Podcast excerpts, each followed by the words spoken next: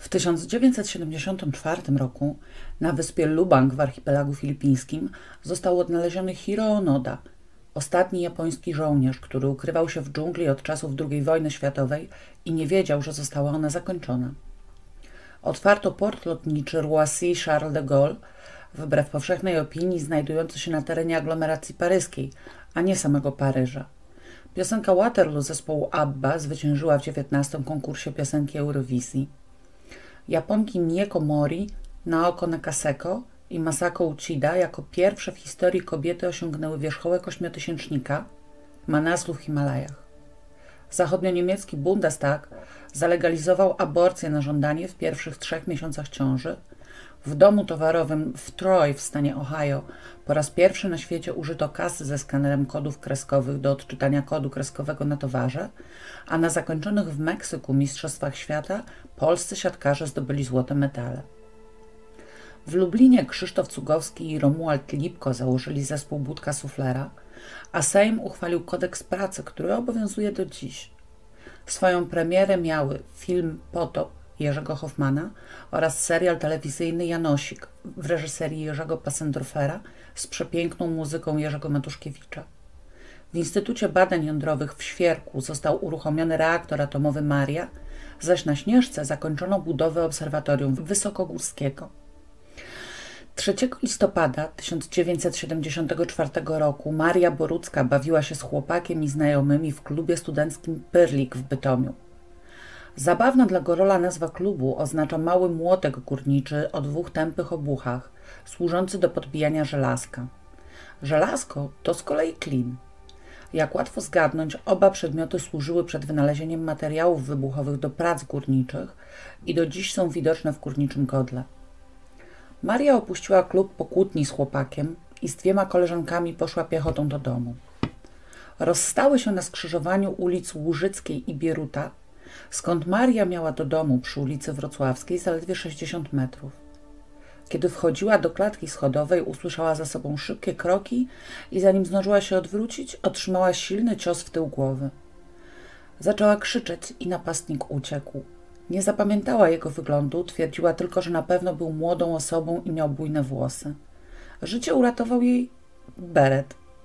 Aby nadążyć za młodą i nadać mu odpowiedni kształt, wypchała go gazetami. To wraz ze zbyt lekkim narzędziem, jakim ją uderzono i jakie po prostu ześlizgnęło się po mocno wypchanym nakryciu głowy, pozwoliło jej ujść bez szwanku. Chłopak, z którym tamtego wieczora pokłóciła się Maria, później został jej mężem. Kolejny rok minął spokojnie. Jednak 19 września 1975 roku, późnym wieczorem, 22-letnia Stefania Michalska pokłóciła się z Janem A., konkubentem, z którym mieszkała na osiedlu fińskich domków w piekarach śląskich. Oboje byli pod silnym wpływem alkoholu, a sąsiedzi widzieli, jak Jan uderza Stefanię. Chciała udać się do swoich rodziców, którzy mieszkali w pobliżu. Ponieważ jednak była bardzo zdenerwowana, podczas awantury wybiegła z domu boso. Podeszła do jakiegoś miło wyglądającego młodego człowieka i poprosiła, aby ją odprowadził. Więcej błędów w życiu już nie miała okazji popełnić. Następnego dnia Stefanię znaleźli przypadkowi przechodnie. Leżała w krzakach przy ulicy Kasztanowej. Miała liczne obrażenia głowy zadane narzędziem tępym lub tempokrawędzistym, wielokrotne złamania czaszki. Była naga, a jej ubranie było niedbale rzucone obok niej. Ślady krwi wskazywały na to, że została zaatakowana po drugiej stronie ulicy, a następnie przeciągnięta w zarośla, w których ją odnaleziono. W chwili odnalezienia żyła jeszcze, ale po trzech dniach zmarła w szpitalu, nie odzyskawszy przytomności. O to zabójstwo oskarżono Jana A., partnera Stefanii. Co prawda nie znaleziono żadnych dowodów przeciwko niemu, ale też nie miał alibi.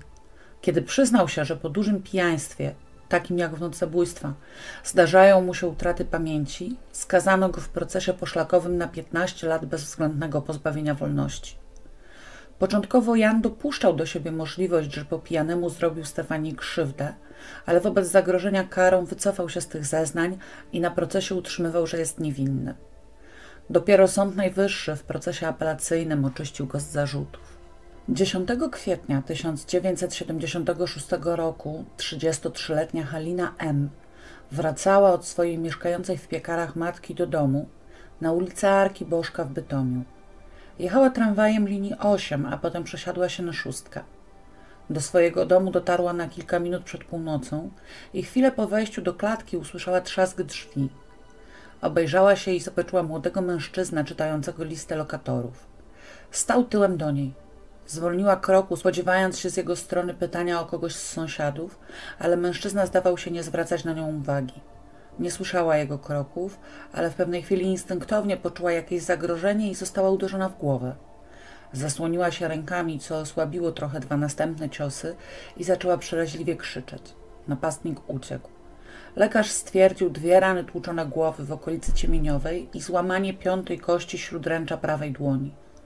Halina również nie zapamiętała wyglądu napastnika.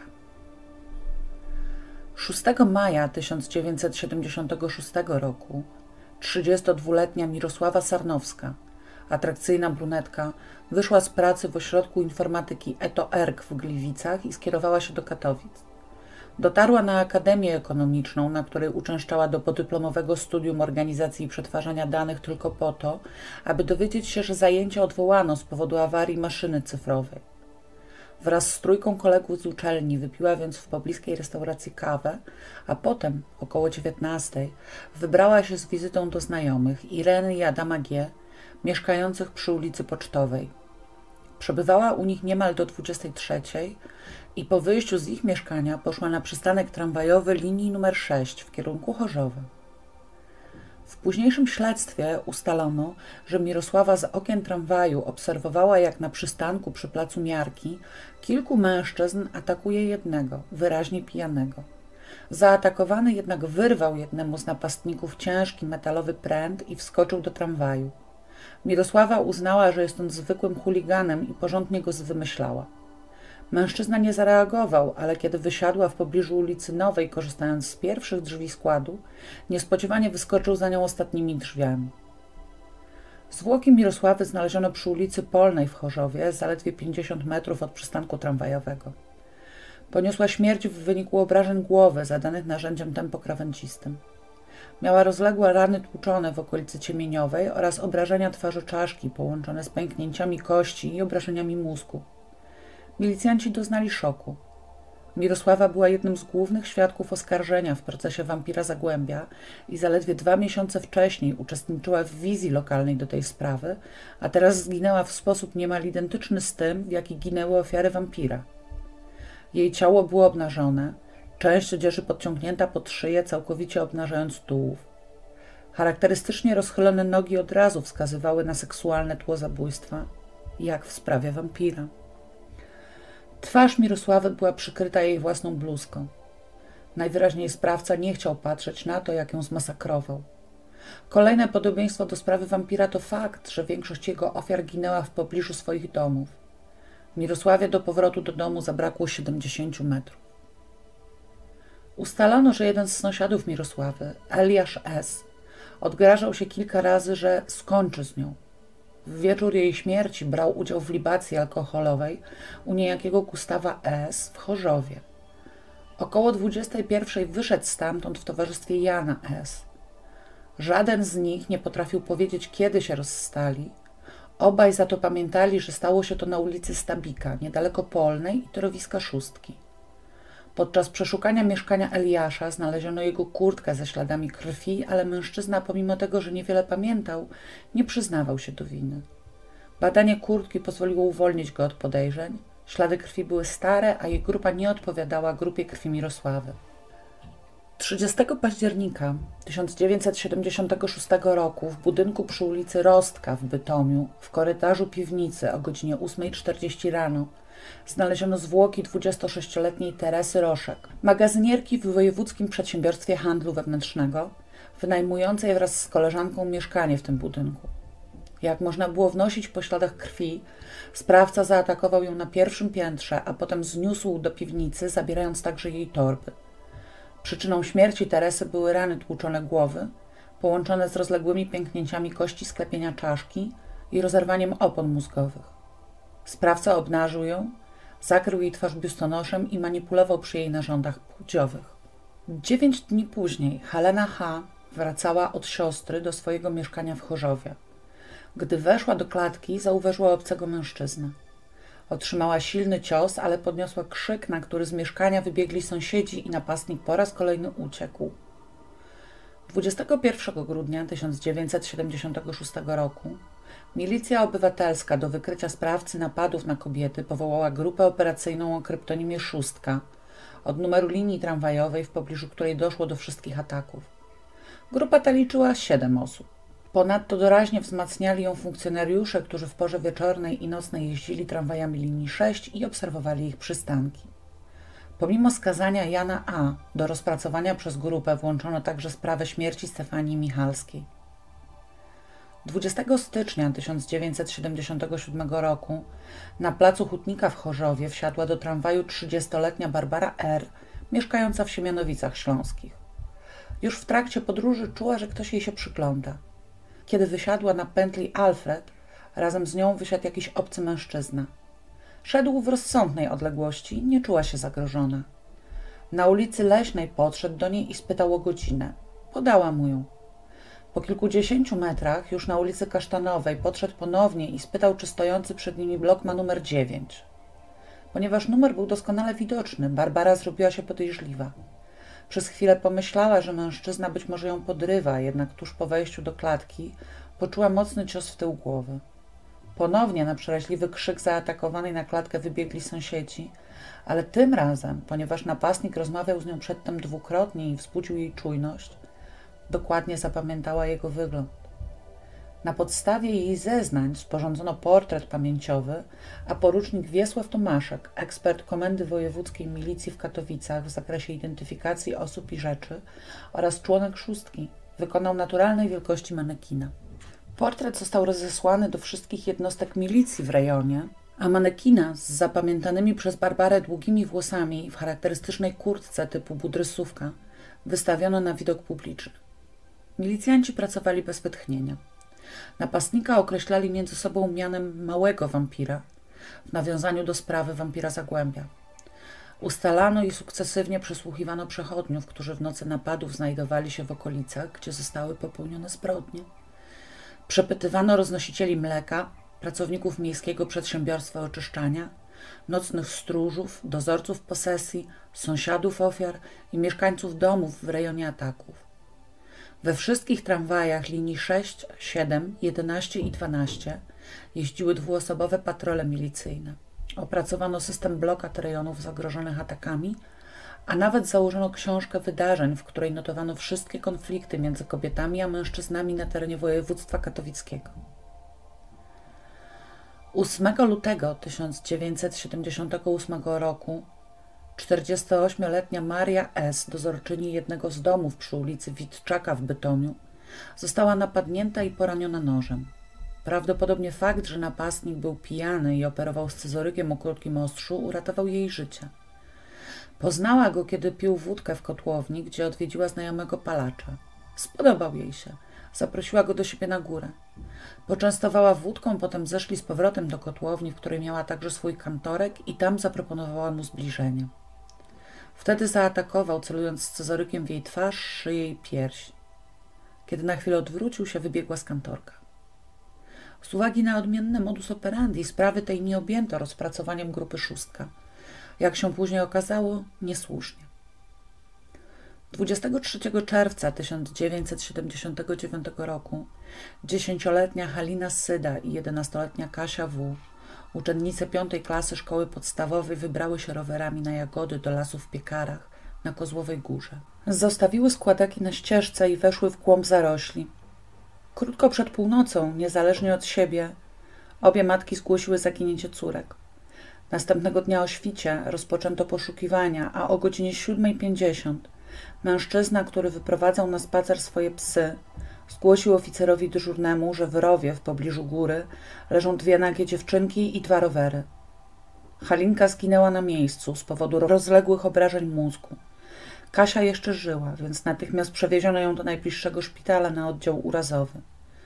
Jej stan był bardzo ciężki, miała wiele ran tłuczonych głowy i poważny wstrząs mózgu. Lekarze z wielkim poświęceniem walczyli przez kilka godzin o jej życie i wygrali tę walkę. Ze względu na fakt, że ofiarami były dzieci, ponownie bestialskie okaleczenia ich głów, sprawie nadano kryptonim Frankenstein.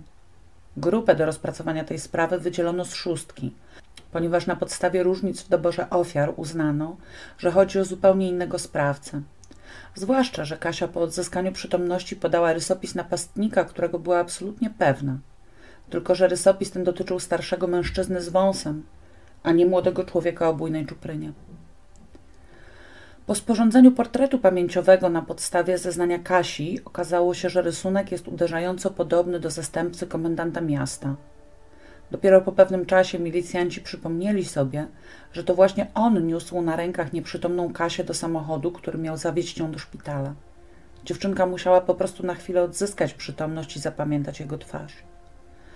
Napaść na dziewczynki wzburzyła opinię publiczną i jak zawsze w takich wypadkach ze wszystkich stron posypały się zgłoszenia. Pewna starsza kobieta zgłosiła się do komisariatu, informując, że jej mąż wrócił do domu z zakrwawionym młotkiem i groził, że spotkają to samo, co przydarzyło się dzieciom.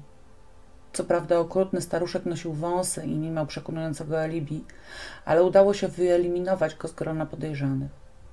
Wyeliminowano również innego starszego mężczyznę, który zapraszał dziewczynki do swojego domku letniskowego i tam namawiał je, żeby się rozebrały. Jak się później okazało, wyeliminowano wówczas nawet faktycznego sprawcę zbrodni. 1 sierpnia do grupy operacyjnej Frankenstein dołączył podporucznik Roman Hula, były ratownik górniczy i absolwent Wyższej Szkoły Oficerskiej w Szczytnie. Grupa rozpoczęła sprawdzanie wszystkich niezgłoszonych oficjalnie incydentów, w których kobiety były obiektem ataku, a które miały miejsce w piekarach. W ten sposób ustalono, że w rejonie dworca na osiedlu Wieczorka w Piekarach godzinach wieczorno-nocnych dziewczyna została w pobliżu śmietnika z zaskoczenia przewrócona na ziemię. Grupa górników wysiadających z pojazdu przewozów pracowniczych spłoszyła napastnika. Dziewczyna, do której milicjanci dotarli przez jej koleżankę, obiecała, że o wszystkim opowie, jeśli tylko nie będzie zmuszana do złożenia oficjalnych zeznań. Okazało się, że napastnikiem, była tego pewna, był mężczyzna znany jej z widzenia, stały bywalec piekarskiej restauracji Fiśla, Umówiła się z szefem grupy, że gdy go ponownie spotka, bezzwłocznie zawiadomi milicję. Dotrzymała słowa i w ten sposób po raz pierwszy w orbicie zainteresowania milicjantów pojawił się Joachim Knychała. Po zatrzymaniu okazano go wszystkim kobietom w piekarach śląskich, które padły ofiarami prób ataków lub zostały po prostu przestraszone. Większość z nich w ogóle nie zapamiętała napastnika, ale jedna rozpoznała go i oskarżyła, że zaatakował ją, kiedy szła z dzieckiem ulicą szpitalną. Kiedy ją przewrócił, dziecko zaczęło histerycznie krzyczeć i mężczyzna uciekł. Sąd rejonowy w Tarnowskich Kurach potraktował to jako wybryk chuligański i ukarał Knychała jedynie grzywną.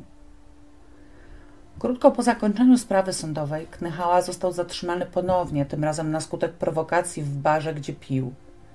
Milicjantom zależało, aby mieć go na oku z racji sprawy napadów, ponieważ przypuszczali, że faktycznie odpowiada za większość z nich oraz w związku z faktem, że był już skazany za przestępstwo seksualne. Po zatrzymaniu nie przyznawał się do niczego. Nie było żadnych dowodów wskazujących na jego winę i z braku dowodów trzeba go było zwolnić. Zwłaszcza, że nie odpowiadał portretowi pamięciowemu Frankensteina, którego genezy wówczas jeszcze nie rozszyfrowano.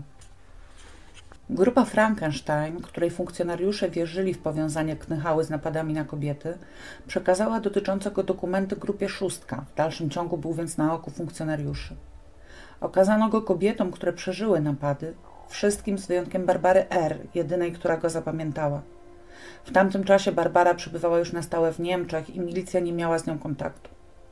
Jak łatwo zgadnąć, żadna z kobiet go nie rozpoznała.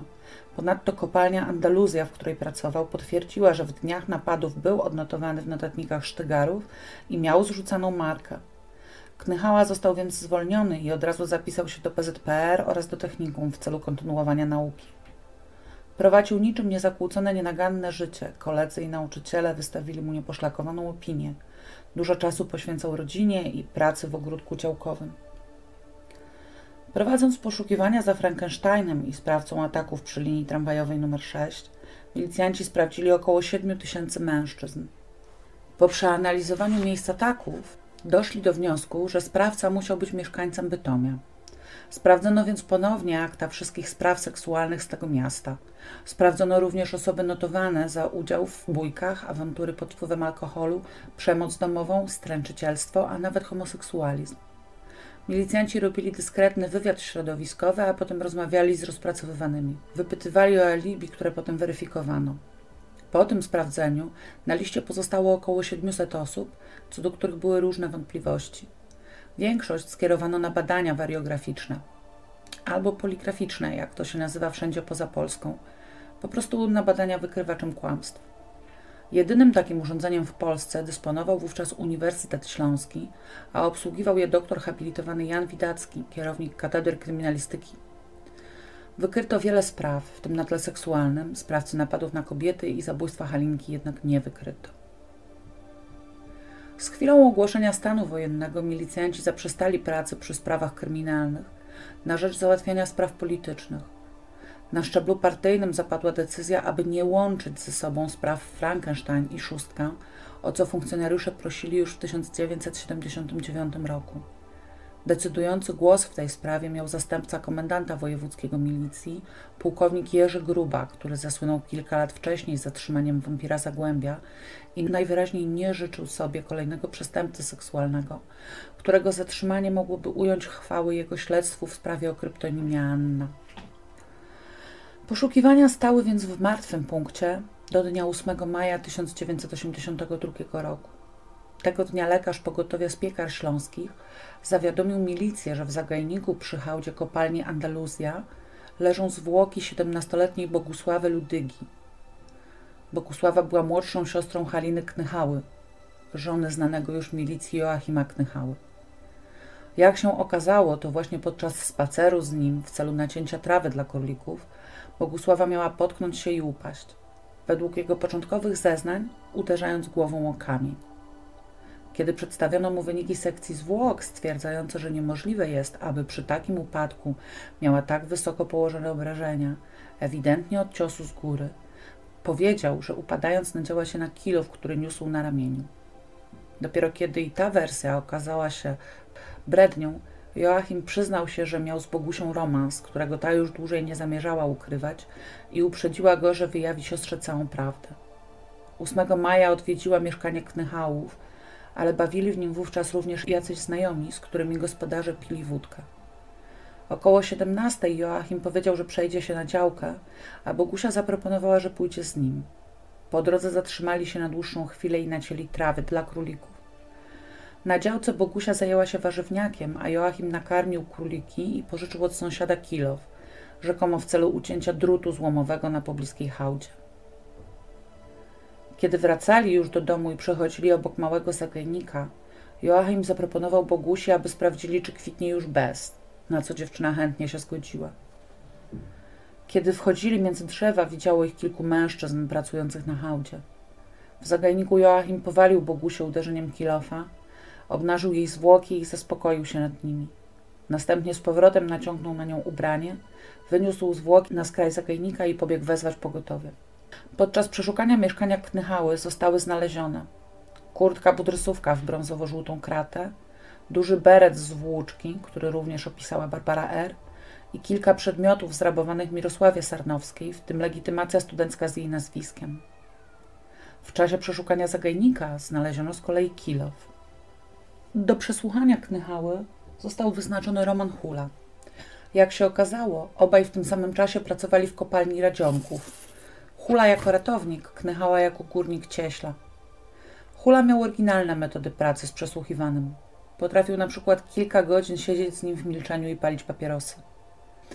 Dla Knychały wydawało się być ważne, że milicjant znał z własnego doświadczenia pracę pod ziemią. Kiedy po wielu męczących przesłuchaniach i po badaniach na wariografię Knychała przyznał się do zabicia Bogusi, Zupełnie niespodziewanie zaraz potem zaczął mówić o napadzie w Parku Kultury w Chorzowie w 1978 roku. 31 lipca zaatakował wtedy dwie piętnastolatki, Beatę K. i Joannę E. Około ósmej szły one na kąpielisko Fala i znajdowały się w pobliżu ogrodu zoologicznego. Był ciepły, słoneczny poranek. Kiedy dziewczyny zobaczyły, że idzie za nimi mężczyzna, zatrzymały się, aby go przepuścić – był młody, ubrany w białą koszulę z krótkim rękawem i jasne dżinsy. Kiedy zrównał się z nimi, błyskawicznie wyciągnął z zapaska siekierkę i każdej z dziewczyn zadał po kilka ciosów. Kiedy pochylił się nad tracącą przytomność Beatą, ta głośno krzyknęła, a jednocześnie przy ogrodzeniu zoo pojawił się nadjeżdżający traktor. Knychała uciekł, a siekierkę powiesił po drodze na gałęzi drzewa. Później znaleźli ją i wyrzucili pracownicy MPO. Dziewczętom błyskawicznie udzielono pomocy lekarskiej i obie wyszły z tego bez szwanku. Niestety milicjanci przyjmujący ich zgłoszenie nigdy nie zadali sobie trudu przekazania go kolegom z szóstki lub Frankensteina. Dopiero po uzyskaniu informacji o tym zdarzeniu od Knychały funkcjonariusze odnaleźli właściwe dokumenty zakopane gdzieś pod stertą późniejszych spraw. Beata i Joanna rozpoznały Joachima Knychałę jako mężczyznę, który zaatakował je w parku. Gdyby ich zgłoszenie wcześniej zostało przekazane do grup operacyjnych, mogłyby wystąpić jako poszkodowane obok kobiety napadniętej na ulicy Szpitalnej. Knychała zostałby skazany, nie rozpocząłby romansu ze swoją szwagierką i w rezultacie nie zabiłby jej. Joachim Knychała urodził się 8 września 1952 roku z mieszanego małżeństwa ojca Polaka i matki Niemki. Ojciec, alkoholik, porzucił rodzinę, kiedy Joachim miał dwa lata, zostawiając go pod opieką matki i babki. Zachowanie obu kobiet jednakże miało z opieką niewiele wspólnego. Babka wciąż nie mogła darować córce związku z Polakiem, a za to, że Polak porzucił rodzinę, zostawiając żonę i syna na jej utrzymaniu, wyżywała się na Joachimie, bijąc go i wyzywając od polskich bękartów. Matka ledwo zarabiała na chleb, ciągle zmieniała konkubentów i była równie podporządkowana babce. Nie interesowała się synem, kiedy za bardzo zawracał jej głowę, też potrafiła go uderzyć. Jak to się dzisiaj ładnie mówi, była niewydolna wychowawczo. W szkole z kolei dokuczano mu z powodu niemieckich korzeni. Akceptację zyskał dopiero wśród osiedlowych chuliganów, zdobywając ich uznanie częstymi, zaciekłymi bójkami. Chciał dostać się do szkoły żeglugi śródlądowej, ale mu się nie udało i ostatecznie poszedł do zawodówki, gdzie wykształcił się na górnika cieśle. W 1971 roku został skazany wraz z dwoma rówieśnikami za usiłowanie zbiorowego gwałtu. Chłopcy zgodnie twierdzili, że dziewczyna, według niektórych źródeł kuzynka Joachima, z ochotą poszła do piwnicy pieścić się z nimi wszystkimi, ale kiedy na schodach usłyszała kroki, w trosce o swoją reputację podniosła krzyk i wszystkich aresztowano pod zarzutem gwałtu. Zarówno matka, jak i babka Joachima uważały go za winnego i okazywały mu to na każdym kroku. Natomiast niektórzy śledczy pracujący przy sprawie uważali, że chłopcy mówią prawdę i nie powinni ponosić odpowiedzialności karnej. Za dobre sprawowanie został zwolniony po roku i niemal od razu poznał Halinę, swoją przyszłą żonę. Została jego pierwszą partnerką seksualną. Odnosiła się do niego serdecznie i ciepło, a Joachim na każdym kroku okazywał swoje przywiązanie i uczucia do niej. Mieli dwójkę dzieci. Była wyjątkiem, pozostałych kobiet nienawidził, obwiniając je i za nieszczęśliwe dzieciństwo z okrutną babką i lekceważącą matką, i za, według niego, fałszywe zeznanie, które doprowadziło do jego skazania. Podjął pracę w kopalni, której szczerze nie lubił, zapisał się do Związku Socjalistycznej Młodzieży Polskiej. Otrzymał dwupokojowe mieszkanie przy ulicy Skłodowskiej w Piekarach Śląskich. Zagospodarowywał się w nim, ale jednocześnie narastała w nim frustracja i zaczął opracowywać plany zabijania kobiet. Jak w końcu ustalono, w kopalni Andaluzja, podobnie jak w wielu innych, panowała praktyka tzw. Tak dniówek sztygarskich. Jeśli pracownik miał z jakiegoś powodu nadgodziny do odbioru, czy nawet zwyczajnie nie mógł tego dnia być na kopalni, w porozumieniu ze sztygarem był wpisywany jako obecny, a wynagrodzenie za ten dzień trafiało do kieszeni sztygara. Knychała jako członek ZSMP uczestniczył w wielu czynach społecznych i akcjach okolicznościowych kosztem swojego wolnego czasu. Korzystając z tego rozwiązania, odbierał sobie wolne dni i zapewniał na pozór doskonałe alibi. Oczekując już na proces, zapisał w swoim pamiętniku.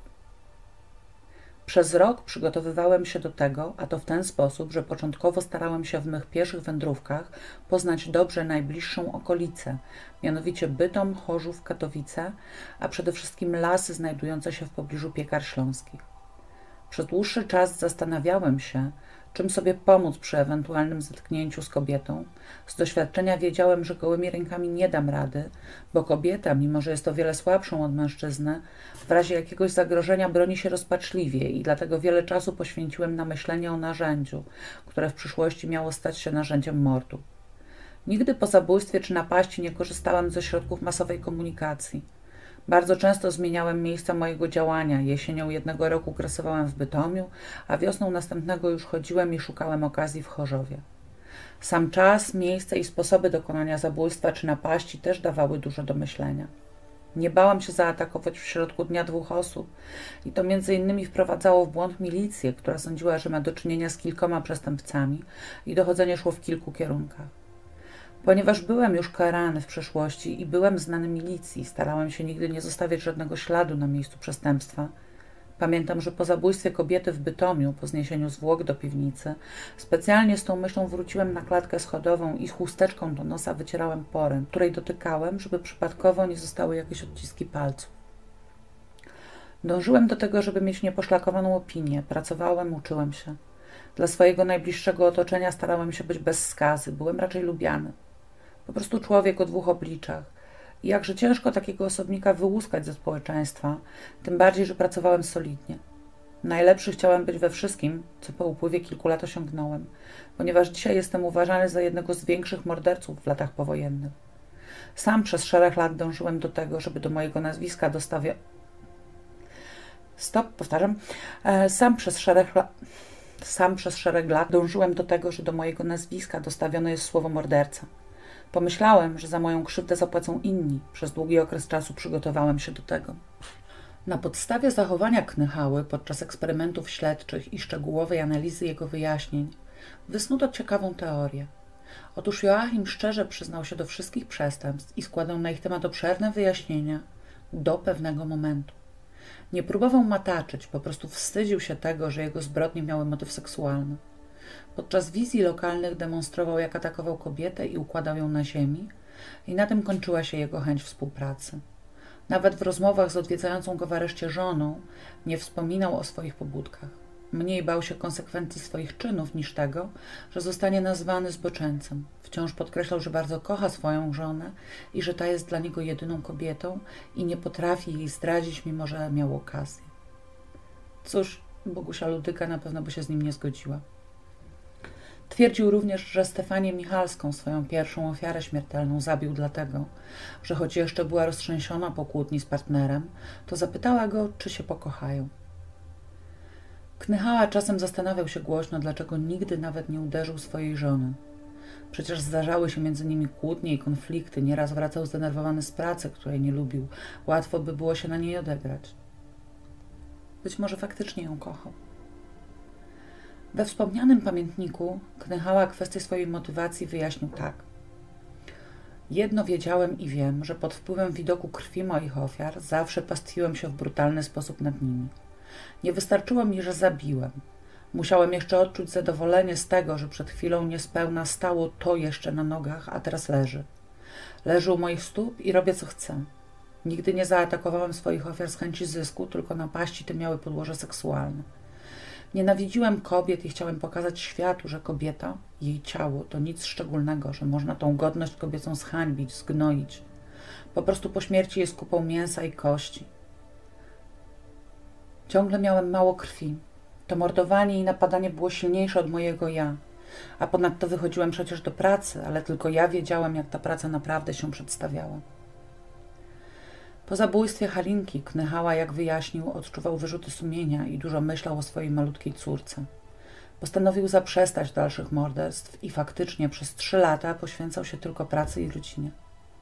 Nie wiadomo, jak mu się udało tego dokonać, jak poskromił swoją żądzę krwi. Być może faktycznie zabójstwo dziecka nim wstrząsnęło i coś zmieniło. Ale kiedy tylko jego romans z Bogusią stał się problemem, bo dziewczyna chciała przyznać się siostrze, od razu wrócił do starych nawyków i morderstwo uznał za najbardziej oczywiste wyjście. Często pojawia się stwierdzenie, że Knychała był tylko naśladowcą wampira Zagłębia. Fakt, mieli bardzo podobny modus operandi. Atakowali od tyłu, uderzając ciężkim przedmiotem w głowę. Fakt, Knychała chodził na proces Zdzisława Marchwickiego i sam zaczął zabijać dopiero po jego skazaniu. Są jednak spore różnice. Knychała zabijał rzadko, wydaje się, że tylko wtedy, kiedy już nie mógł się pohamować i niemal zawsze gwałcił swoje ofiary. Wampir jedynie obnażał swoje ofiary i czasem manipulował przy ich narządach płciowych. Wampir był zabójcą z lubieżności, Knychała zabójcą działającym z pobudek seksualnych. Gdyby zastosować w tej sprawie amerykański podział, to Joachim Knychała byłby mordercą zorganizowanym. Skrupulatnie planował swoje działania, podporządkował im całe swoje życie, tworząc dla zamaskowania swoich przestępstw całe fałszywe oblicze Achima, przykładnego obywatela. Był dumny z tego, co robił. Mordowanie traktował jak misję, dzięki której czuł się spełniony, a jednocześnie rekompensował sobie w ten sposób nienawiść do babki i wszystkich kobiet, z wyjątkiem żony, od których doznał krzyw. Biegli psychiatrzy nie stwierdzili u Joachima Knychały zespołu psychoorganicznego, choroby psychicznej ani niedorozwoju umysłowego. Wręcz przeciwnie. Badanie ujawniło ponadprzeciętną inteligencję, IQ równe 129. Stwierdzono natomiast osobowość nieprawidłową z cechami sadystycznymi, zaburzenia emocjonalno-popędowe, niedorozwój uczuciowości wyższej i nieprawidłowo rozwinięty silny popęd seksualny. Podczas pobytu w więzieniu Knychała za namową dziennikarza Ediego Kozaka zaczął pisać pamiętnik.